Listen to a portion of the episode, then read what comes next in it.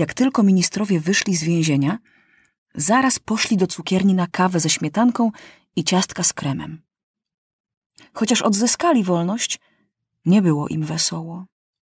Wiedzieli, że z Maciusiem nie będzie łatwo. Przede wszystkim trzeba będzie pożyczyć pieniędzy.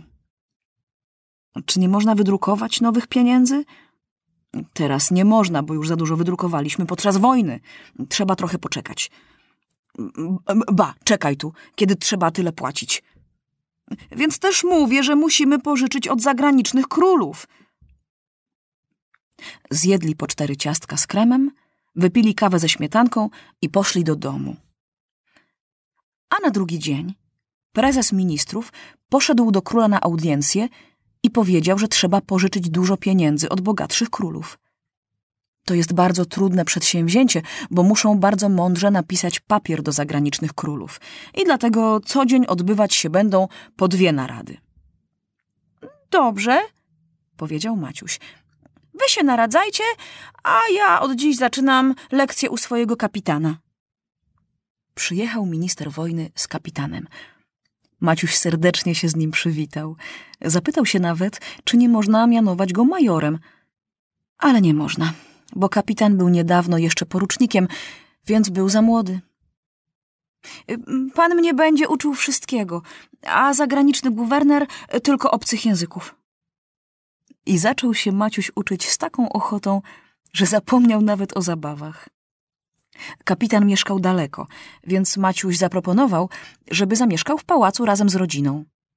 Kapitan miał syna Stasia i córeczkę Helenkę, więc uczyli się razem i trochę razem bawili. Przychodził i Felek na lekcje, ale dużo przepuszczał, bo się nie bardzo lubił uczyć. Maciuś bardzo rzadko chodził teraz na narady. Szkoda czasu, mówił. Nudzi się i niewiele z nich rozumiem. Do królewskiego ogrodu przychodziły chętnie dzieci. Ojciec Felka, który przed wstąpieniem do wojska był cieślą, zrobił im huśtawkę, więc się huśtali, bawili się w berka, w piłkę, straż ogniową, wiosłowali na królewskiej sadzawce, łowili ryby. Troszkę gniewał się na te porządki królewski ogrodnik i chodził na skargę do pałacowego zarządu – już nawet parę szyb przez nieostrożność stłuczono. Ale nikt nic nie mógł mówić, bo Maciuś był teraz królem reformatorem i sam wprowadzał własne porządki. Już był zamówiony na jesieni z Dun, żeby w sali tronowej postawił piec, bo Maciuś zapowiedział, że nie myśli marznąć podczas audiencji. Jak był deszcz, bawili się w pokojach. Lokaje byli trochę źli, że im dzieciaki depcą pokoje i muszą potem sprzątać i froterować. Ale że mniej teraz zwracali uwagi, czy mają wszystkie guziki zapięte, więc czasu było więcej. A zresztą i im było smutno, jak w pałacu tak cicho było dawniej, jak w grobie. Teraz za to śmiech, bieganina, krzyki, w których brał często udział i wesoły kapitan, a niekiedy i stary doktor się rozruszał i zaczynał z nimi razem tańczyć albo skakać przez sznur. Wtedy to już naprawdę było śmiesznie. Ojciec Felka po huśtawce zmajstrował im wózek, ale że były tylko trzy koła, więc wózek często się przewracał. Nie szkodzi. Tak nawet było weselej. Rozdanie czekolady dzieciom w stolicy tak się odbyło, że dzieci ze wszystkich szkół ustawione były w dwa rzędy na ulicach – Jechały ciężarowe samochody i żołnierze czekoladę rozdawali. A jak skończyli, Maciuś przejechał przez wszystkie ulice i dzieci jadły i śmiały się i krzyczały. Niech żyje król Maciuś! A Maciuś raz w raz wstawał. Posyłał im ręką pocałunki, wywijał kapeluszem, powiewał chusteczką i naumyślnie wiercił się, uśmiechał, ruszał rękami i głową, żeby nie pomyśleli, że znów oszukują i obwożą porcelanową lalkę. Ależ skąd? Wszyscy widzieli na pewno, że to jest prawdziwy Maciuś. Prócz dzieci były na ulicach i ojcowie, i matki, też ucieszeni, bo dzieci teraz lepiej się uczyły, bo wiedziały, że król je lubi i o nich pamięta. Do tej uroczystości minister oświaty dodał jeszcze od siebie niespodziankę dla spokojnych i pilnych uczniów, żeby wieczorem byli w teatrze. Więc wieczorem Maciuś, kapitan, Felek, Helcia i Stasio zajmowali królewską lożę, a cały teatr pełen był dzieci. Kiedy Maciuś wszedł do loży, orkiestra zagrała hymn narodowy. Wszyscy wstali i Maciuś przez cały czas stał na baczność, bo tak każe etykieta. Dzieci teraz przez cały wieczór widziały swojego króla, trochę tylko były zmartwione, że chociaż w wojskowym ubraniu, ale bez korony. Ministrowie na przedstawieniu nie byli, bo kończyli akurat papier o zagraniczną pożyczkę, więc czasu nie mieli. Tylko minister oświaty wpadł na parę minut i powiedział zadowolony. To przynajmniej rozumiem. Teraz mają nagrodę ci, którzy na nią naprawdę zasłużyli. Maciuś grzecznie mu podziękował i dzień skończył się bardzo przyjemnie.